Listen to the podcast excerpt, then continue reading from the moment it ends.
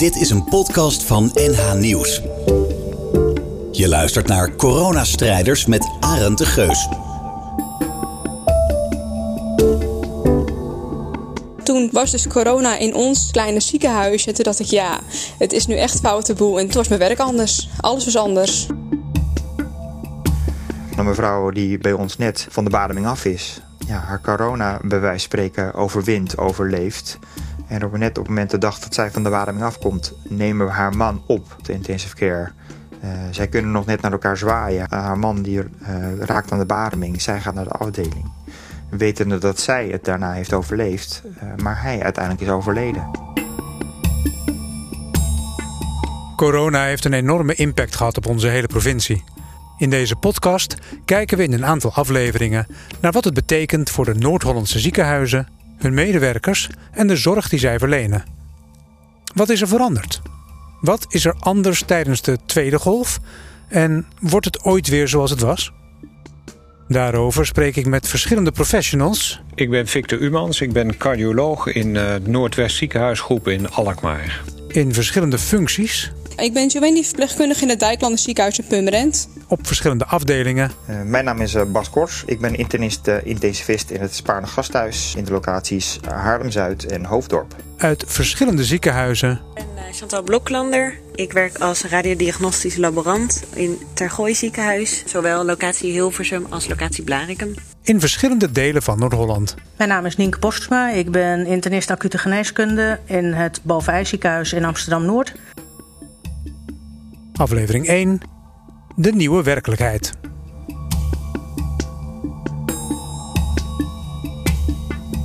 Tja, dat is echt uh, inderdaad een hele andere werkelijkheid dan, uh, dan vorig jaar. Uh, we zagen natuurlijk toch een heel klein beetje aankomen vanuit China... maar deze werkelijkheid is zo anders. En als dokter, als cardioloog, mis ik gewoon het directe contact met mijn patiënten. Dat is echt het eerste wat, uh, wat in me opkomt. In eerste instantie betekende dat heel erg aanpassen. We wisten allemaal niet waar we aan toe waren. Dat weten we natuurlijk, hebben we nergens geweten. Maar bij ons op de afdeling moest het eigenlijk het hele patiëntencontact heel anders zijn. Um, maar hoe dat dan precies moest zijn, dat, dat was allemaal vaag. Um, dat maakte dat er heel veel uh, onduidelijkheid was op de afdeling zelf. Wat betreft de, het onderlinge contact, maar ook uh, de onderzoeken die wij uitvoeren. Of we die nog wel op dezelfde manier konden uitvoeren zoals we dat deden. Of dat het allemaal aangepast moest worden en op wat voor manier dan ook. Het was voornamelijk ontzettend onduidelijk in eerste instantie. Ja, dat, dat, het heeft zo'n enorme invloed en impact op ons leven. En op de zorg die we geven. Dat je er niet omheen komt dat het inderdaad gaat om een, een nieuw soort werkelijkheid. Waar we natuurlijk ook zo graag zo snel mogelijk weer vanaf willen. Ik liep toen op de gang van mijn eigen afdeling en van longgeneeskunde liep ik door naar de interne geneeskunde. En aan de linkerkant heb je altijd een sluiskamer. En daar lag onze eerste coronapatiënt. En het enige wat ik toen nog dacht was, het gaat nu echt, het gaat nu echt gebeuren. Want je ziet het natuurlijk op tv, je hoort het op het nieuws. Overal hoor je wel over corona. Maar toen was dus corona in ons, ons kleine ziekenhuis. En toen dacht ik, ja, het is nu echt foute boel. En toen ging het echt in een heel snel tempo. Toen was het echt gewoon klaar. En toen was mijn werk anders. Alles was anders. En wat betekent die verandering in jouw werk voor jouw dagelijkse routine? Wat, wat moet jij doen als je op je werk komt? Ja, voor corona de ochtendoverdracht, normaal gesproken, de nachtploeg uh, vertelt wat er of avond-nacht uh, allemaal gebeurd is. En de ochtendoverdracht, daar zit eigenlijk de hele afdeling. Ja, dat is nu in zoverre veranderd dat we nu alleen nog maar de mensen die echt noodzakelijk zijn voor de overdracht in één ruimte hebben. Het is daardoor beperkter en, en kleinschaliger. De indeling van de dag is hetzelfde, de routine is hetzelfde. Maar, maar je merkt dat je, dat je de hele dag ben je ingepakt. als je bij de mensen op zaal komt doe je dat nog eens ernstig met een schort en een dubbel masker, een bril en uh, dubbele handschoenen. Uh, soms een grote lasherm die je voor je, voor je hoofd uh, draait. en dat maakt dat je eigenlijk je, je, hele dag jezelf aan het aan- en uitkleden bent. En, en moet zorgen dat je ondertussen nog voldoende drinkt en aan je lunch toekomt. Toen de lockdown kwam, toen kregen wij ook te horen dat alle reguliere zorg afge, afgezegd werd. Dat houdt in dat voor ons, waarbij wij met heel veel, uh, heel veel collega's op één afdeling op één dag werken. Nou ja, eigenlijk maar weinig werk hadden. Ik kan daar niet zo heel goed tegen. Ik raak daar geïrriteerd van. Ik weet dan niet wat ik moet doen en iedereen zit maar een beetje voor zich uit te kijken voor mijn gevoel. Ik heb heel veel avonddiensten gedraaid, omdat ik dan maar wel duidelijk had wat, er, hè, wat ik kon doen. We, hadden, we hebben s'avonds gewoon de patiënten die komen vanaf de eerste hulp of vanaf de klinieken. Die geholpen moeten worden op dat moment. En je bent met z'n tweeën als laborant zijnde en niet meer met eh, de volle twintig, waarbij je met z'n allen niet weet wat je moet doen. Uh, er gaat geen informatie verloren, omdat de mensen die echt de informatie nodig die hebben, die zijn er. Maar er zit ook als het ware een onderwijsaspect aan zo'n overdracht. Hè. De co-assistenten, de artsassistenten, die horen de verhalen, er wordt even over gediscussieerd. Dus dat deel, ja, dat, dat kan eigenlijk niet op deze manier. Nou, voor de directe patiëntenzorg is het denk ik niet erg. Uh, maar dat onderwijsaspect is ook uh, nuttig voor iedereen die in zo'n organisatie werkt. Omdat je daar ja, als het ware ongewerkt uh, kennis door opdoet. En uiteindelijk hebben we die kennis ook met z'n allen nodig om de kwaliteit van het werken uh, op peil te houden. Dus dat moet je dan nu op andere manier proberen te regelen. Ik heb ook een hele andere denkwijze gekregen. Voordat ik nu mijn dienst begin, denk ik eerst: oh god, ik moet heel veel gaan drinken. Want de komende drie, vier uur sta ik op isolatie en kan ik niet drinken of eten. Dus je gaat al met een hele andere ja, gedachtegang je dienst in. En dat gaat eigenlijk de hele dag zo door. Je bent alleen maar vooruit aan het denken. En dat deed je voorheen ook wel. Maar als ik moest plassen, dan ging ik plassen. En dat kan nu niet meer. Dus je bent continu aan het nadenken: wanneer ga ik er weer uit? Wanneer ga ik er weer in? Wat moet ik nog doen? En dat was voorheen helemaal niet zo. Wat mis je van hoe het eerst was en wat je nu niet meer kan? Eigenlijk is de stelregel nu um, dat je alles digitaal doet, tenzij. En uh, je kan ook heel veel dingen digitaal doen. Maar tegelijkertijd mis je ook wel een deel van het patiëntencontact. En het is juist als, uh, als dokter dat je in, de, in het contact met de mensen... Uh, hoe ze reageren, verbaal of non-verbaal... Uh, eruit ziet te krijgen wat nou zeg maar de klacht is en, en, en wat erachter ligt. En, want dat is de, de poort tot de oplossing vaak een, een, contact op de polykliniek heeft natuurlijk altijd uh, in feite een zakelijk inhoudelijk contact. Want mensen komen met een probleem of hebben een reden om onder controle te zijn. Uh, anderzijds uh, wordt er toch ook wel wat persoonlijke informatie uitgewisseld. En zelfs met beeldbellen komt dat er minder van. Gelukkig hebben we hier in Noordwest vrij snel stafbreed bepaald dat we zoveel mogelijk gaan videobellen. Dat, daar hecht ik heel erg aan, want dan kan ik de patiënt ook zien. En eventueel ook de, de, de mantelzorger of de, of de partner van de patiënt. Uh, want ik vind dat dat een, uh, een veel gelijkwaardiger uh, ja, communicatie teweeg brengt. Dat er een zekere vertrouwensband groeit. Dat je mensen ook leert kennen op andere aspecten dan hun ziekte. Uh, dat is denk ik voor de meeste dokters toch een meerwaarde. En is uiteindelijk komt dat denk ik ook de onderlinge uh, verhouding ten goede. In het begin vond ik het wel heel rustig. Ook wel even lekker. Want onze eigen longafdeling zat op een, op een gang waar gewoon continu reuring en doorloop was. Niet alleen voor de long, maar ook gewoon andere disciplines. En nu alles wat op de unit komt dat, dat moet daar dan zijn. En voor de rest mis je ook heel veel collega's. Want je ziet of spreekt ze ook gewoon niet. Want je ziet ook niet. En soms pas tegen een uur of vier denk je... hé, hey, ben jij ook aan het werk? De laagdrempelige sociale contacten. Even met iemand in de gang blijven, blijven praten. En dat is dan op collega-niveau. Of even met de groep uh, polykliniekdames uh, koffie drinken in een kamer. Maar ook communicatie via mondkapjes tussen arts en patiënt... is natuurlijk toch veel afstandelijker. En soms voor sommige mensen ook moeilijker te verstaan. Dus dat, dat mis ik wel.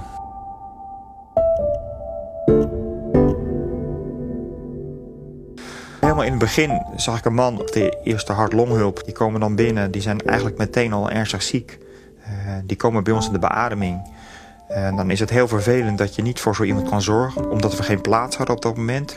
Dus we moesten die meneer eh, naar een ander ziekenhuis eh, plaatsen. Denk aan een uh, hoogbejaarde dame die toenemend kortademig aan het doodgaan was. Met een partner die uiteindelijk er wel bijgelaten werd, maar dan te horen krijgt: als u binnenkomt, mag u ook niet meer naar buiten. Vanwege gebrek aan die beschermingsmiddelen. En dan in dit geval was er ook andere familie. Een week later had ik weer dienst, zoals eigenlijk de hele week. En, en dan tref ik zijn vrouw. Die is net zo ziek. En uiteindelijk uh, wordt ze aan de bademing gelegd. Uh, maar hebben we opnieuw geen plek en hebben we er maar voor gezorgd dat in ieder geval zij naar, naar hetzelfde ziekenhuis als haar man werd overgeplaatst. Uh, we wetende dat er bij hun thuis een zoon zit van 20 jaar. Wetende dat zijn beide ouders aan de bademing op hun buik in een ander ziekenhuis liggen. Dat was zielig voor die meneer, zielig voor die mevrouw, zielig voor de familie. Op alle fronten moeilijk eigenlijk.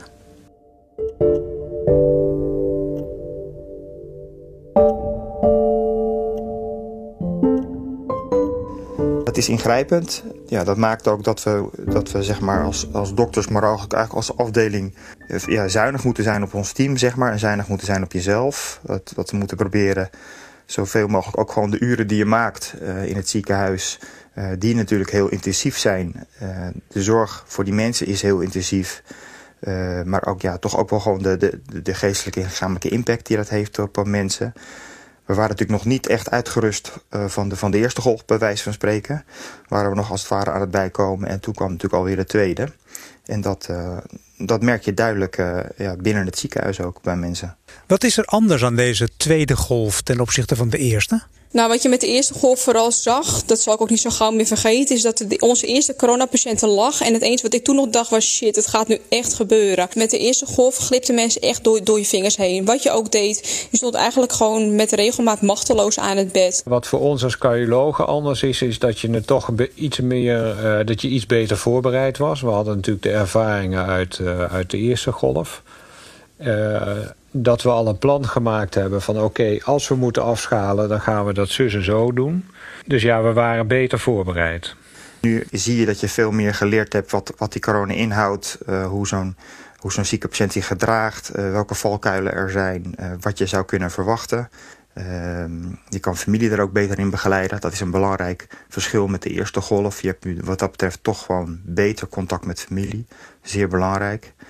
En uh, nou, dat maakt dat je toch gewoon wel meer grip hebt op de, op de situatie uh, ten opzichte van daarvoor. Hij is een stuk relaxter, moet ik eerlijk toegeven.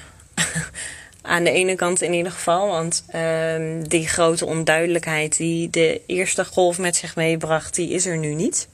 Verder is het voor, op onze afdeling op de radiologie is het wat lastig omdat uh, er zijn een heleboel afdelingen of polyklinieken die uh, een heleboel patiënten in de patiëntenzorg hebben moeten afzeggen en dus een hele hoop in te halen hebben. En uh, terwijl we aan het inhalen zijn, hebben we ook die tweede golf. En dat maakt dat het heel veel bij elkaar komt. Waardoor uh, werkdagen hier momenteel echt ontzettend druk kunnen zijn. Aan de andere kant hebben wij ook hier gezien dat er in die eerste golf... een heleboel mensen niet naar het ziekenhuis durfden te komen. En helaas te zeggen is dat door die angst van, van, van mensen om naar het ziekenhuis te moeten komen... hebben ze zelf ook wel in een, aantal, in een groot aantal gevallen... bij hen zelf hun eigen alarmsymptomen niet herkend. En zien we dus dat, of zagen we dus dat er in die tijd veel meer patiënten... veel later met een hartinfarct eh, binnenkwamen. Wat je nu ziet is dat je het, en jij herkent het zelf als verpleegkundige natuurlijk sneller, want ja, toen was het nieuw en nu is het er eigenlijk al. En ik heb het gevoel dat het wat afzwakt. Patiënten zijn toch minder heftig ziek dan de eerste golf. We hebben meerdere mensen eh, hier gehad voor een acute dotterbehandeling voor hun hartinfarct. Terwijl ze eh, mensen al soms tot 12 uur klachten hadden. En ons hele gezondheidszorgsysteem aan de cardiologiekant is ingericht om mensen binnen twee uur op een dotterkamer te krijgen, zodat we binnen twee uur dat bloedvat open kunnen maken om dat hartinfarct kleiner te houden. En de eerlijkheid gebied te zeggen dat we dat nu eigenlijk ook nog wel een beetje zien. En daar maken we ons wel zorgen over. Dat mensen te laat aan de bel trekken.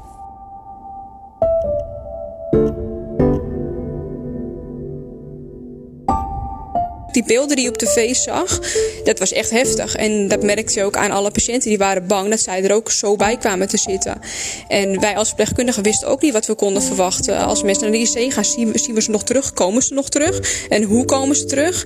En dat toen onze eerste patiënt weer goed terugkwam, nou, dat maakte me echt heel blij.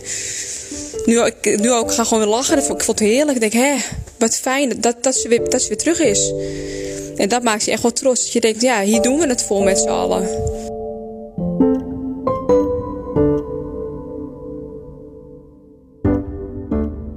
Wat heb je geleerd van die eerste golf?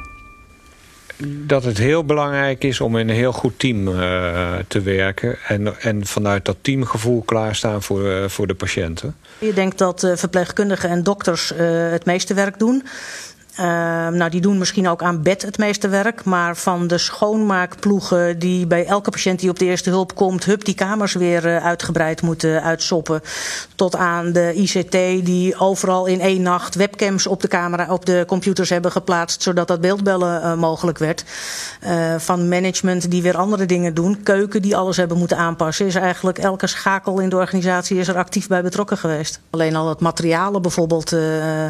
dat was bijna een dagtaak in het begin om te zorgen dat er voldoende maskertjes enzovoort waren. Ik ben er wel achter gekomen hoe belangrijk het is dat je prettig samenwerkt. En dat je dingen voor elkaar over hebt. En dat je niet direct volgens de regels zoals ze in de normale situatie zouden zijn. Dat je daar niet meteen naartoe grijpt.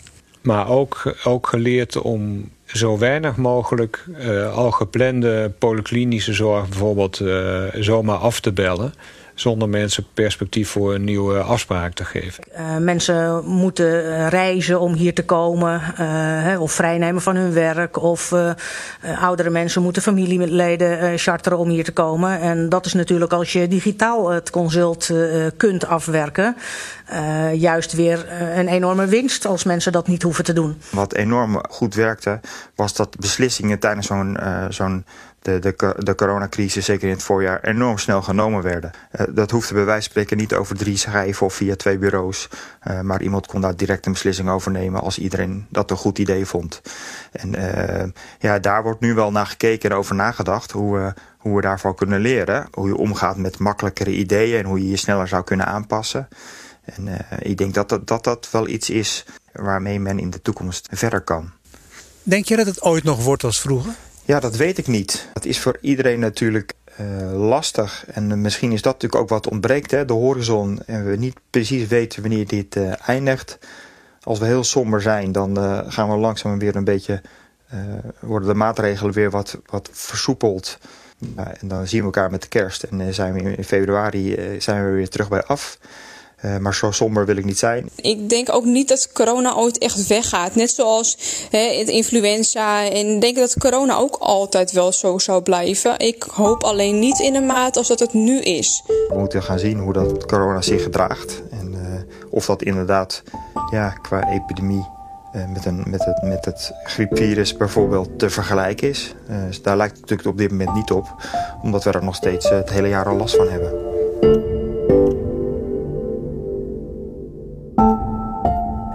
Dit was De Nieuwe Werkelijkheid, aflevering 1 van onze serie Coronastrijders.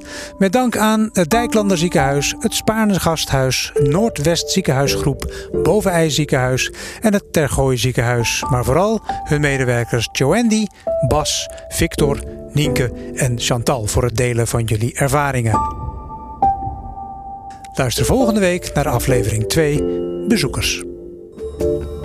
Coronastrijders is een serie van NH Nieuws. Abonneer je op deze podcast, dan krijg je vanzelf de nieuwe afleveringen. Teruglezen over de coronastrijders? Kijk dan op nhnieuws.nl slash coronastrijders.